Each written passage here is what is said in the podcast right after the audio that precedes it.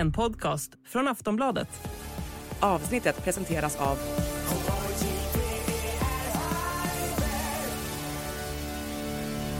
Stödlinjen.se, åldersgräns 18 år. Banker och matjättar pungslår hushållen och gör rekordvinster och kommer undan med det för att det inte finns tillräckligt med konkurrens. Har vi ett problem med oligopol i Sverige? Det ska vi diskutera i dagens avsnitt av Starta pressarna. En podd med mig, Daniel Suonen, från Aftonbladets ledarredaktion.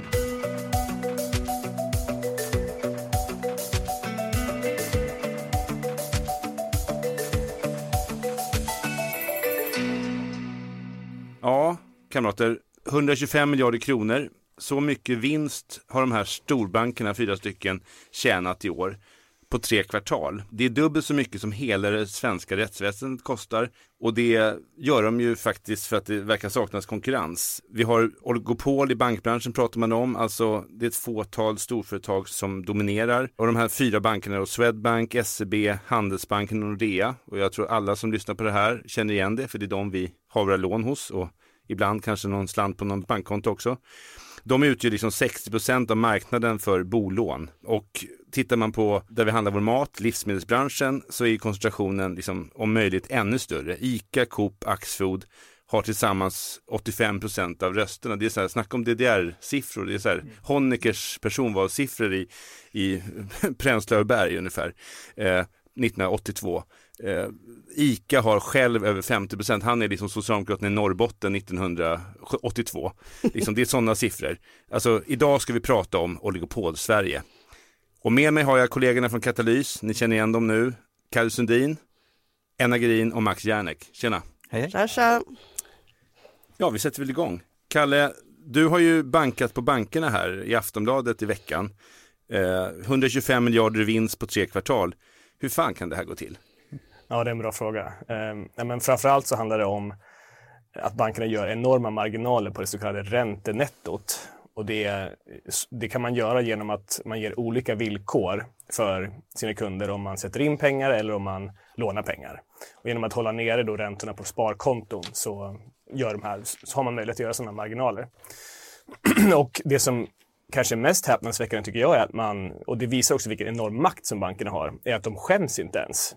Eh, alltså Swedbank gjorde under tredje kvartalet 11,4 miljarder i vinst. Mm. Och då ska man komma ihåg att i relation till samma period förra året så är det en ökning med 59 procent. Mm. Så alltså i en enormt svår lågkonjunktur som får, gör att många vänder på varje krona så har man ökat sina marginaler med 59 procent. Mm. Det är ju liksom absurt. Det går liksom väldigt bra för bankerna och väldigt dåligt för många andra. Jag bara kastar in det som en så här, jag tänker så här, ofta när man hör så här, man är, vi som jobbar på Katalys, vi träffar liksom så här Timbro och Svenskt Näringsliv och de pratar liksom alltid om så här innovation. Eh, vi har just nu en sån här strejk, Elon Musk, en sån här smart kille som sitter och uppfinner någonting. Klart att han ska få tjäna pengar.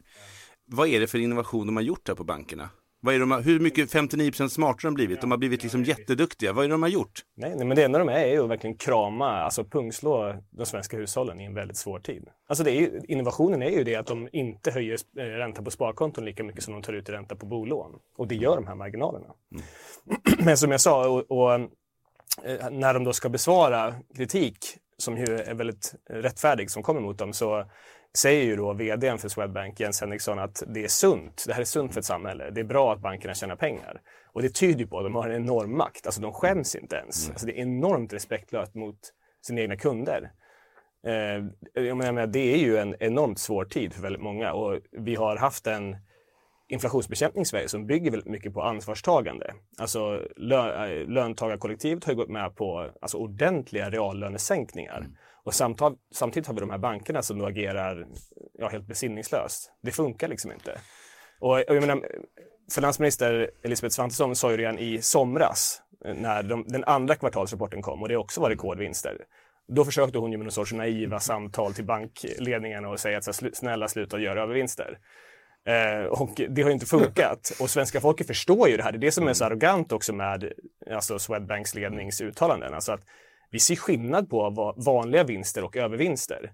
Vi ser skillnad på vad ska man kalla det, sund sund eh, lönsamhet och alltså där man verkligen då vri, i en, alltså man tar tillfället i akt att i en svår tid liksom vrida kniven i sina kunder. Alltså det är verkligen den nivån vi är på. Så det, är, nej men det, är en, det är en bisarr situation och regeringen kan inte gömma sig längre utan måste kliva fram.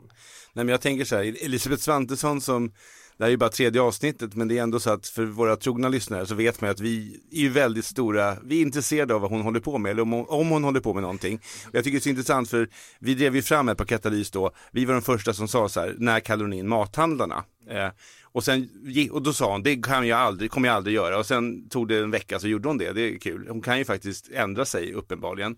Och, då tänkte, och sen hade hon de här terapisamtalen, hon ringde upp några bankdirektörer och försökte liksom förmana dem, snälla, snälla. Och hon har ju den här, liksom, hon har ju den här Livets ord-kopplingen. Och jag tänker att det kanske finns fler metoder hon skulle kunna, handpåläggning, förbön. Vad tror vi att hon kan komma med härnäst liksom, mot, mot de här sjuka vinsterna? Ja, nu, vad som helst nu tänkte jag. Fan, fan, försök allt alltså. Kan vi liksom hålla varandra i handen och liksom och tillsammans. Alltså allt Sjunga. annat. We shall overcome. Alltså, jag är finansminister i Sverige, jag har en majoritetsregering i ryggen och det jag vill göra, jag ringer och ber snällt, snälla, snälla.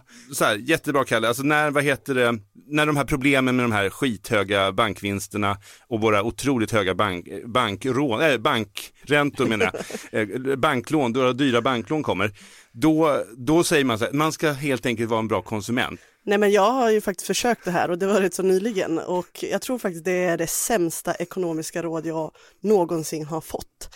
Att alltså försöka förhandla till mig en bra ränta på ett nytt bolån. Eh, jag och min tjej Lena, vi tog liksom vårt eh, allra första lån nu i början av hösten eh, för att köpa en sommarstuga.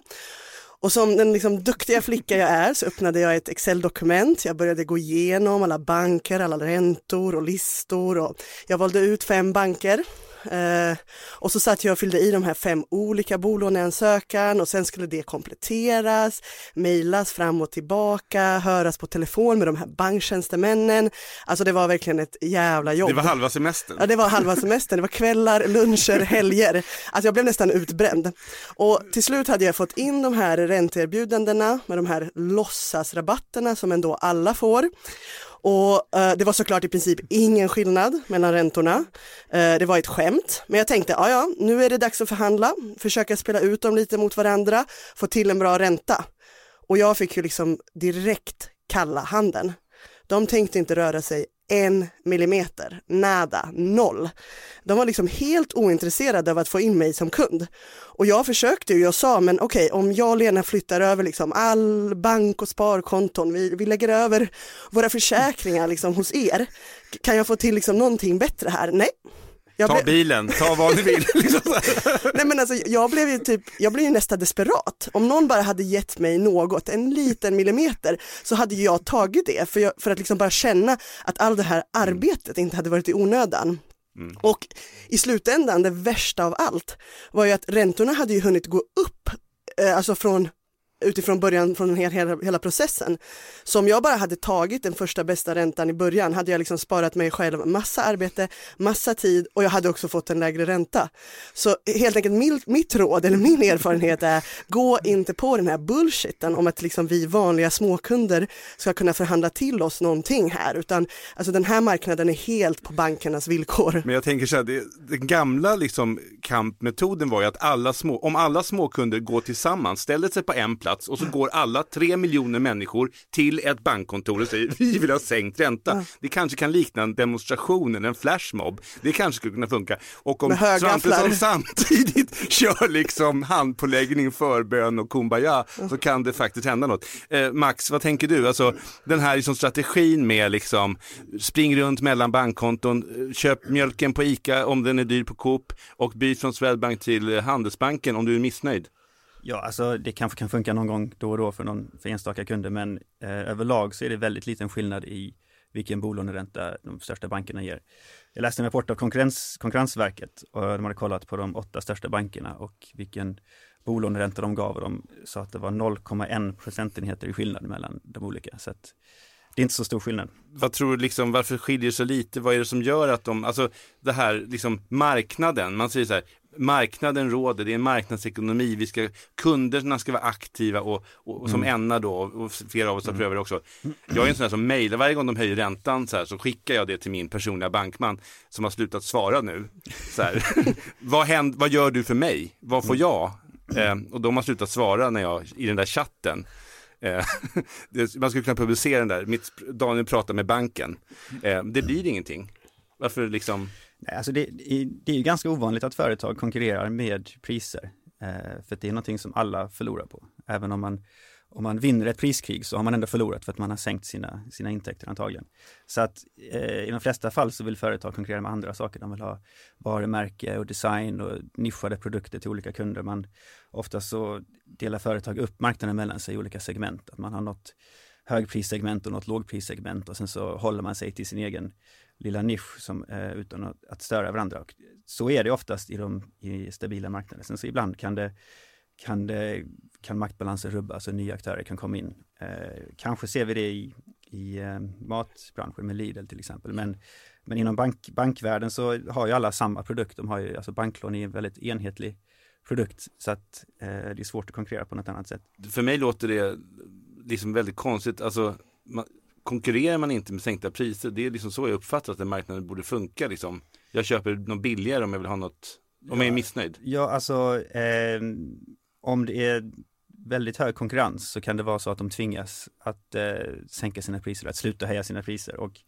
det är väl det som är idén med den här inflationsbekämpningen, att man ska strama åt efterfrågan och då ska man tvinga företagen att sänka sina priser. Men i, det här, i, i fall där det råder oligopol och företagen inte är rädda för att tappa kunder och inte rädda för att tappa marknadsandelar så kan de nog vara rätt nöjda med att fortsätta höja priserna, bara eh, sälja mindre volymer men, ha, men ha, tjäna lika mycket för att de har högre priser. Så att, eh, jag, jag tror inte att, att eh, den här inflationsbekämpningen som, som man använder nu med att strama åt efterfrågan hjälper just för att det finns oligopol. Alltså det som, jag tänker också bara, det finns ju en, det som liksom flera är inne på här, det är ju en maktgrej. Alltså Kalle är inne på det, du är inne på det, Enna är liksom beskriver liksom scener ur ett skenmarknadsliv liksom. eh, eh, och liksom det är det här maktgrejen, alltså bankerna har ju, det är inte bara så att, jag menar, om jag köper min filmjölk på ICA, Coop, Lidl eller liksom från bondens marknad, eh, beroende på köpkraft och tillfälle, liksom, det är en sak, liksom.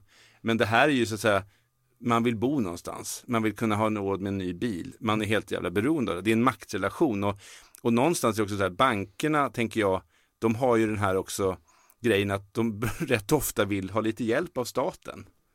Eh, och så liksom, men i det här läget så liksom bara, nu suger de ut det göttaste, nu är det liksom bara, det här är ju liksom det bankrånet på något sätt va?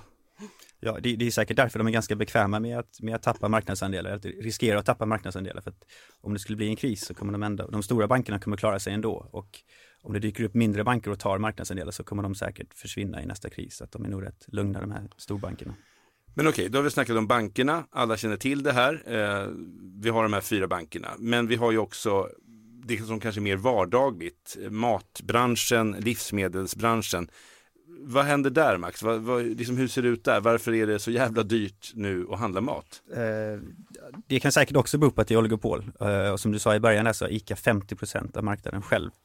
Eh, och de tre största matjättarna har 85 Så att det, är, det är en väldigt stor koncentration och det är väldigt svårt att slå sig in på livsmedelsmarknaden, delvis av geografiska skäl. För man måste ha väldigt stor logistik för att kunna ha rätt sortiment och ha färskvaror varje dag måste man ha en enorm logistik och långa leverantörskedjor som funkar. Så att det är inte så att man bara kan starta upp en ny eh, livsmedelsbutik från scratch, utan det bygger i så fall på att det kommer in någon utländsk aktör och skapar mer konkurrens. Och ehm, det är svårt det, det, det är svårt för finländska företag att ta sig in, de ligger ganska långt bort och Norge är ännu dyrare än Sverige, så att egentligen är det bara Danmark och Tyskland som har chans att komma in. Så att, eh, och det har hänt också, vi har haft, eh, Lidl har kommit in från Tyskland och Netto från Danmark. Eh, men tyvärr så lät Konkurrensverket Coop köpa upp Netto för ett tag sedan.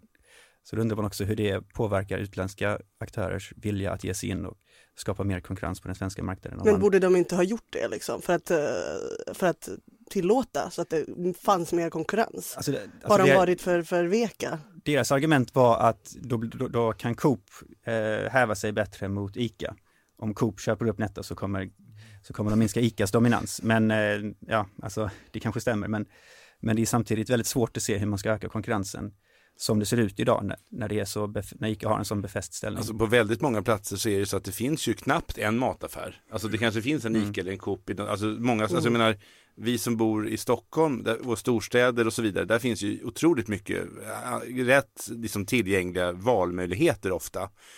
Eh, men redan i många förorter om man är liksom lite grann, eh, inte kanske helt rörlig, inte har bil, vilket är väldigt många storstadsbor i arbetarklassen och så inte har, pensionärer och så då liksom är man ju kanske då i praktiken tvungen att handla på närmsta livs och det kanske till och med är en sån här liten kvartersbutik eller alltså man helt enkelt går och köper sin mjölk där.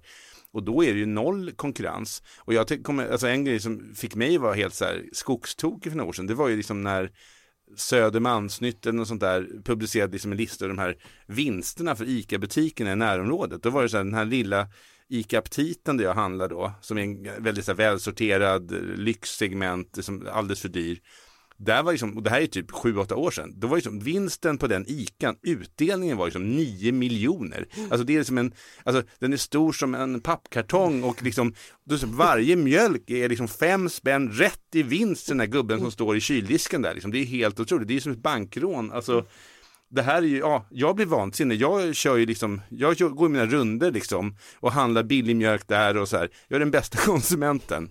eh, men det orkar inte någon, jag har inga barn. Jag, alltså, jag fattar att ingen annan orkar liksom.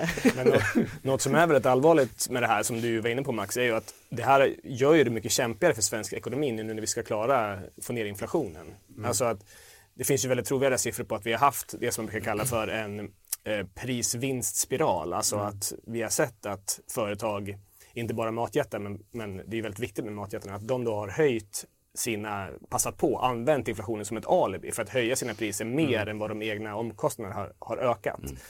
Eh, och det gör ju att det blir mycket kämpigare att få ner inflationen. Och jag menar just matjättarna, bankerna, det är ju inte vilka företag som helst utan det är ju, jag menar, vi har, mm. vi har inga bostäder så folk måste belåna sig för att kunna bo någonstans. Så man måste ju få livsmedel. Mm. Så det är ju inte vad som helst. Så det är väldigt viktigt. Om man bara liksom sammanfattar läget, då har man alltså en regering och liksom ett politiskt system, då, statsmakt som säger så här, vi måste bekämpa inflationen. Så vanliga människor, löntagare, ska hålla nere sina löner och egentligen få sänkta löner då kraftigt. Och sen så ska välfärden gå på knäna, den ska skäras ner kraftigt mm. över hela linjen. Förlossningsvård, det har vi inte råd med, det är jätteinflationsdrivande. Och sen har vi då stora vinster, enorma övervinster, där i princip liksom innovationen är en, bara ren fräckhet. Att så här, nu kan jag, nu har paprikan blivit 7% dyrare. Jag höjer den med 47% och så gör jag en hacka. Nu har bankräntan gått upp med 3% Nu höjer jag den med 7 liksom. och, och då så tjänar jag en hacka. Det är liksom, det är girighet som innovation. Det finns inget skapande. Jag menar, bankerna, ICA-handeln har inte blivit smartare förmodligen högst marginellt. Men de har blivit girigare och fräckare och mer skamlösa i det läget. Ja absolut och just det här att, att de här oligopolsituationerna då eh, försvårar inflationsbekämpningen eh, som, som både Kalle och, och Max har varit inne på. Mm. Alltså så här, om man nu har, är överens om det här problemet eh, och det känns ju som att ni inte alls, ni är mycket argare egentligen än det, vi skrattar här men vi är skitarga liksom. Eh, och det är ju väldigt många andra också. Då tänker jag så här, vad ska man göra åt det här? Eh, Max, vad tänker du? Eh, alltså det finns ju en, en variant i att man ökar konkurrensen eh, och om vi tänker i banksektorn att det kommer in fler banker som erbjuder högre sparränta eh, så kommer väl de här stora övervinsterna så småningom eh, falla ner och minska. Eh, men, och, och det är kanske vissa som är nöjda med det, men hade det egentligen löst något problem att man är då att, att bankernas vinst, att deras räntenetto och deras vinster minskar för att, de, för att man får mer sparränta. Det gör ju bara att då är det ännu en grupp med folk som redan har pengar som får ännu mer pengar för att de får högre sparränta. Medan de som har svårt att få ihop eh, sin ekonomi och inte har några sparpengar sitter fast med höga bolån. Eh, så det, det ökar ju bara klyftorna ännu mer och de här människorna som tjänar pengar på högre sparränta, det gör att de kommer kunna trissa upp priserna ännu mer på bostadsmarknaden, och göra det ännu dyrare för andra att bo. Så att men, det är ingen lösning tycker jag. Men är det liksom ett stickspår på något sätt det här? Alltså är det en skenmanöver? Alltså det är klart att det är orättfärdigt med ränteskillnaden, men, men är det ett stickspår? Anna, vad tänker du? Nej men jag tänker så här, vad, vad ska man göra åt det här eh, eh, oligopolproblemet vi har i Sverige? Och då tänker jag att man måste så här, skilja eh, på olika branscher och sektorer för att det är helt olika lösningar för olika branscher. Alltså vissa sektorer eh, ska ju egentligen vara, eller är, naturliga monopol och där man egentligen då borde låta det offentliga ha det här monopolet i form av en samhällsinfrastruktur, alltså en samhällsservice istället för att låta några få privata aktörer göra liksom stora övervinster på den här extremt gynnade monopol och oligopolsituationen. Och eh, de här exemplen är ju kanske till exempel elnätet Uh, där, uh, där det är ju bara helt enkelt ett monopol, alltså uh, den som har det elnätet där du bor, du har inget val, du måste välja dem. Och, och det kanske borde då vara statligt eller kommunalt eller regionalt och, och, inte låta en privat aktör då kunna göra stora vinster på att liksom höja den här elnätsavgiften. samtidigt som de till exempel inte vill göra några investeringar för att det tar ju ner vinsterna, så man låter liksom de här elnäten förfalla, suger ut vinsterna och sen när liksom ett stort problem har skapats, då måste då det offentliga komma in med skattepengar och, och investera och renovera och liksom bygga alltså, upp. Det där var ju Andri, alltså Anders Ygemans stora ja. huvudvärk när han var energiminister. Alltså att de försökte ju sätta dit de här elnätsbolagen som har de här naturliga monopolen. Så det var ju en, liksom en offentlig strid som jag, Andri, till slut så förlorade Ygeman den. Mm. Alltså, så, de är så pass mäktiga de här.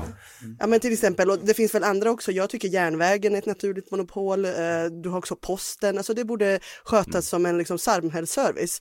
Anna... Det borde, alltså bara vänta här nu. mycket radikalt påstående. Jag vet inte, vi måste kontakta, vi måste gå upp i stabsläge på Katarins på måndag och utreda om, kan det här stämma?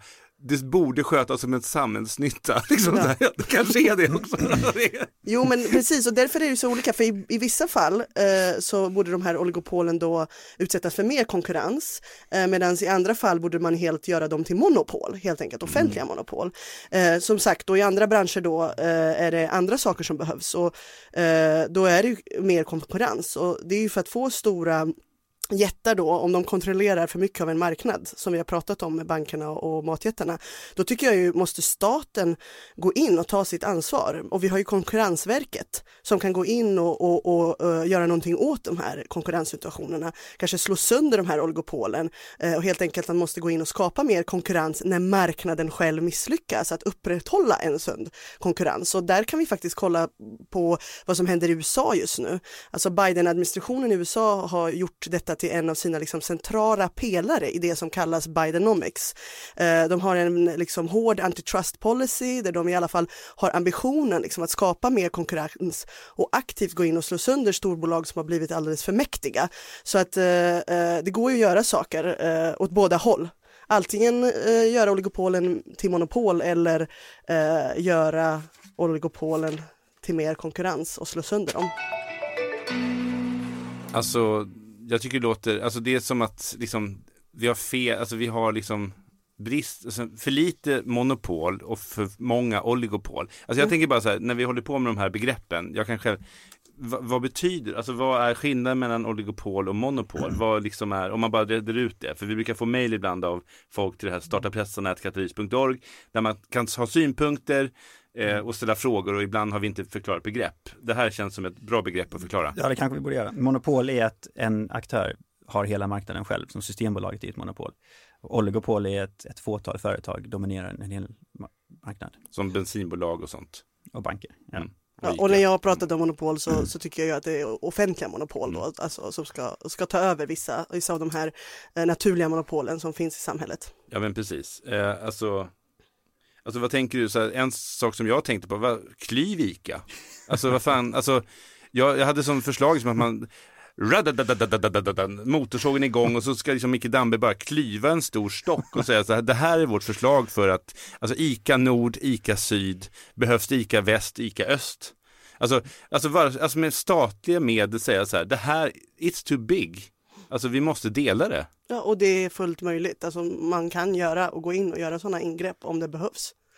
Um, och det finns också saker att göra i banksektorn. Jag vet att Kalle, du, du har ju uh, haft ett förslag där vad man kan göra eh, för att öka eller sätta press på storbankerna? Jag tror man får skilja kanske på liksom långsiktigt eh, och kortsiktigt. Dels har vi hur, hur man bryter ett oligopol i banksektorn på lång sikt. Det handlar om en massa maktfaktorer, alltså hur, hur, vilka som får skapa pengar. Alltså det, det, finns ju den typen av aspekter att ta i beaktning då. Men, men på kort sikt så har vi ju en kris och vi ser att de inte funkar som de ska.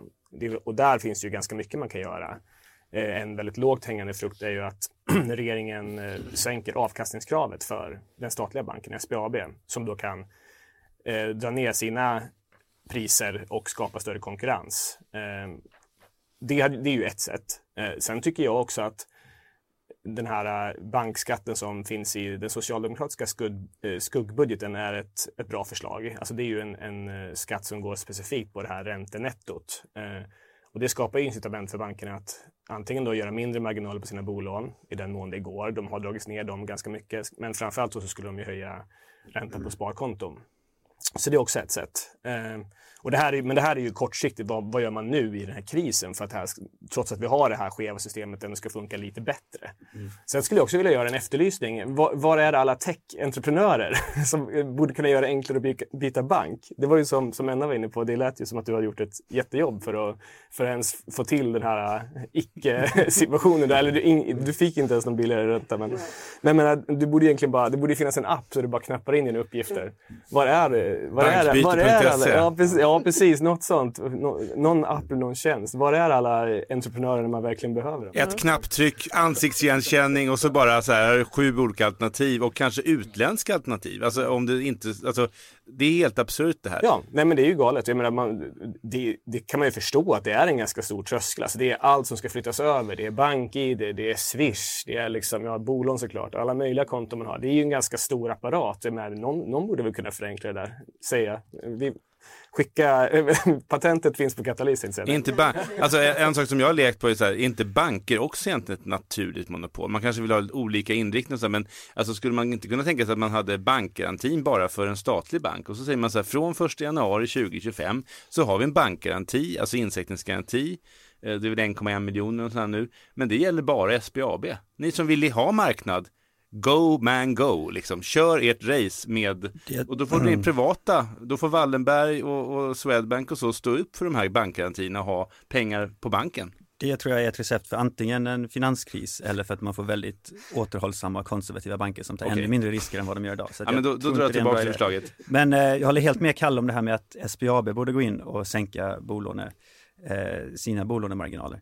Eh, det är ju det borde man ha i fler marknader tycker jag, att man har ett statligt bolag som går in och inte för att gå med vinst själv, utan för att se till att resten av ekonomin kan gå med vinst och att resten av ekonomin funkar bättre. Det, det hade man ju under efterkrigstiden på många håll i Sverige och andra delar av Europa, att, att man hade statliga bolag som försedde resten av ekonomin med billiga insatsvaror så att man snabbt kunde industrialisera. Mm.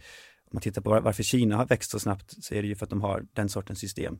Eh, sen så börjar man sen så kom nyliberalismen, men man tänker att ja, de här statliga företagen de är jätteineffektiva och olönsamma och liksom, de måste man eh, strömlinjeforma och göra mer eh, lönsamma. Men hela idén att statliga bolag måste vara lönsamma är ju liksom fel. För det är bättre att de mm. spelar en strategisk roll i ekonomin och inte, de behöver inte gå med vinst. Staten behöver inte gå med vinst själv, utan de ska hjälpa till att resten av ekonomin kan funka bättre, tycker jag. Jag tänker på det bara, liksom det här med SJ, så här, att ett av problemen under de här senaste åren när jag tittar på det här lite grann då och då liksom på den här frågan, det är ju så att ett av problemen för SJ hela tiden är ju att de faktiskt absurt nog har ett avkastningskrav.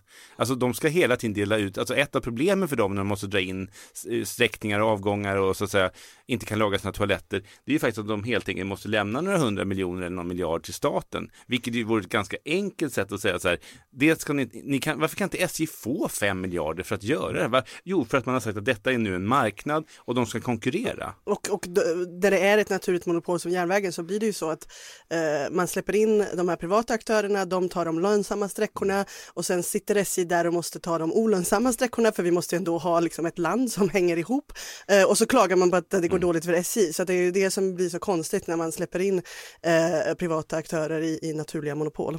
Får jag bara flika in där om, om, om SBAB att att göra det, som vi alla verkar vara överens om här, det är ju ingenting som är något radikalt förslag från Katalys, utan det, det var ju så innan mm. Fredrik Reinfeldt tog makten. Alltså då var det mycket lägre avkastningskrav och man använde SBAB för att pressa ner mm.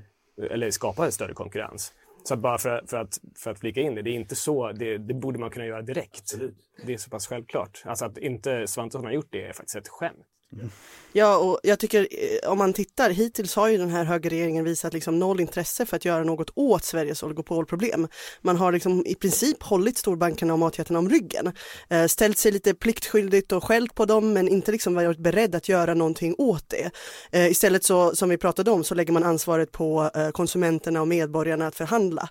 Eh, och eh, jag tänkte på att man brukar prata om skillnaden mellan att vara pro-business och pro-market Eh, i högerkretsar. Alltså antingen att man försvarar politiskt några privata aktörers intressen eller så försvarar man att liksom marknaden och konkurrensen ska fungera väl ehm, och till exempel att slå sönder storbolag som fått en osund oligopolställning. Eh, det är egentligen inte bara det är inte en vänstergrej utan det kan ju också förespråkas av de här pro-market, eh, vad säga, högern. Och eh, det jag tycker man ser väldigt tydligt i vårt svenska exempel är ju att den svenska politiska högern är tyvärr mycket mer pro-business eh, än pro-market. Alltså både när det gäller till exempel att försvara de här, eh, vad heter det, välfärds, privata välfärdsbolagen i skolan, i sjukvården, då på medborgarnas och, och skattebetalarnas bekostnad. Men även nu i det här fallet med bankoligopolet och livsmedelsoligopolet. Så man försvarar de här existerande aktörernas intressen istället för att försvara medborgarnas och kundernas intressen. Uh, ja. Mm. Ja, Eller? Men så är det. De, de är ju verkligen mer pro-business än pro-market. Men eh, man ska inte glömma heller att pro-market är också en ganska löjlig inställning, att man liksom upphöjer marknaden till någon sorts egenvärde, att, mm. att, att, marknaden i sig är någonting som man ska eftersträva. Det viktiga är väl vilka, vilka resultat man får och huruvida marknaden bidrar till välstånd eller teknisk utveckling. Man får, man får titta från fall till fall, liksom vilken marknadsstruktur som funkar bäst eller om man ska ha ett statligt monopol.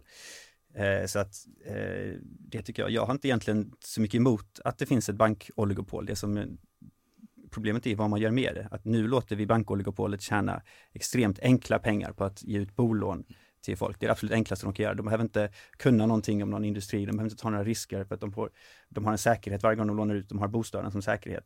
Eh, det man borde göra är att göra så att det här bankoligopolet eh, tjäna pengar på att göra långsiktiga investeringar i industriell utveckling, produktivitet, mm. klimatomställning, inte minst som vi har förbundit oss vid Parisavtalet, eh, att, att alla finansiella flöden ska bidra till lägre utsläpp. Det gör vi inte alls idag, utan vi bara låter bankerna tjäna sina enkla pengar.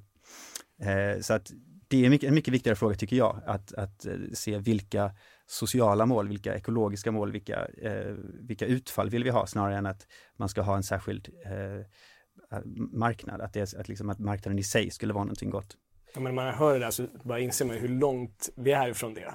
Alltså som, som sagt, det, det vi har hört är egentligen att de här bankcheferna inte bryr sig. Alltså Jens mm. Henriksson, det, det, här är sunt för ekonomin att vi gör de här enorma övervinsterna på just den svåra situation som människor har just nu. Så det är liksom ja. så långt från det där som man kan komma. Fast samtidigt så kan man inte riktigt beskylla dem från att göra sitt jobb. Alltså privata företag finns ju till för att gå med vinst och det är klart att de gör det. det är, alltså, problemet ligger ju i att vi, vi eller som medborgare, eller som, att politikerna inte har styrt upp detta och inte har någon, någon tanke om vad vi ska ha bankerna till. De, mm. Bankerna har ett enormt privilegium att de har de här statliga garantierna och att eh, deras krediter växlas till svenska kronor helt och hållet. De fungerar liksom exakt, de är exakt lika mycket värda. Det är ett enormt privilegium de har. Men man kräver ingenting tillbaka, man kräver inte att de ska eh, se till att utveckla landets välstånd eller att eh, uppnå klimatomställning eller något annat. Så att, eh, det är ju där felet ligger tycker jag, den här flatheten. På något seminarium så med bankföreningen och sånt där så sa jag det att ja, men ni kan absolut få fortsätta med det här monopolet att få göra, ut, skapa pengar, för det är faktiskt det banker gör. Man utfärdar ett bolån på 5 miljoner till någon och plötsligt så har någon och sen kan man sälja den fastigheten sen Eh, för 5 miljoner kan man säga. Och då har man plötsligt fått cash som man kan köpa mjölk för och köpa kläder för och köpa en resa för. Så att de skapar ju pengar. De har en liten summa, en ganska stor summa och sen gör de hundratals gånger de pengarna liksom lånar ut. Och då sa jag så här att ja, ni kan få ha den här men då vill jag också ha en bank. Det har vi ju sig i Riksbanken. Men... Ja, ja, men alltså katalys, då vill jag också ha en, då vill också ha en bank så att säga. Ehm. Men är det inte lite konstigt ändå om man tänker på uh, högen här i Sverige, alltså de skriker ju sig blåa egentligen om valfrihet och, och konkurrens uh, i den offentliga sektorn. Alltså där är de ju stora konkurrensvurmare liksom, uh, i skolan, i sjukvården, i äldreomsorgen, där egentligen då marknadstänk och vinstintresse bara skapar liksom problem system och fel incitament. Eh, för hela idén med den offentliga sektorn är ju att det ska vara en sektor som ska vara fredad från marknaden och vinstintresset. Men när det kommer nu till faktisk den privata sektorn och det, till dysfunktionella marknader i den privata sektorn, eh, där, där, det faktiskt skulle vara sunt med mer eh, konkurrens, ja då, då håller man tyst, då gör man ingenting. Då håller man de här bankerna och matjättarna och, och, om ryggen. Eh, det blir liksom som att det är så här upp och nervända världen. Liksom, eh, vi har konkurrens där det inte borde vara konkurrens och sen har vi inte konkurrens där vi behöver konkurrens. Mm. Jag tror det får bli slutord för den här podden. Eh, tack för er som lyssnat. Eh, tack till eh, Enna, Max och Kalle för att ni var här och hade kloka synpunkter. Och till alla er som lyssnat, vi vill veta vad ni tycker om podden, vi vill veta vad ni tycker vi ska prata om. Nästa vecka tror vi att vi kommer ägna oss åt Tesla, Elon Musk och arbetarklassens kamp för kollektivavtal. Maila in till startapressarna katalys.org om du vill påtala något vi har gjort eller sagt eller borde prata om. Idag skriver vi 10 november på förmiddagen. Tänk på att ekonomi är politik, inget annat. Tack för mig.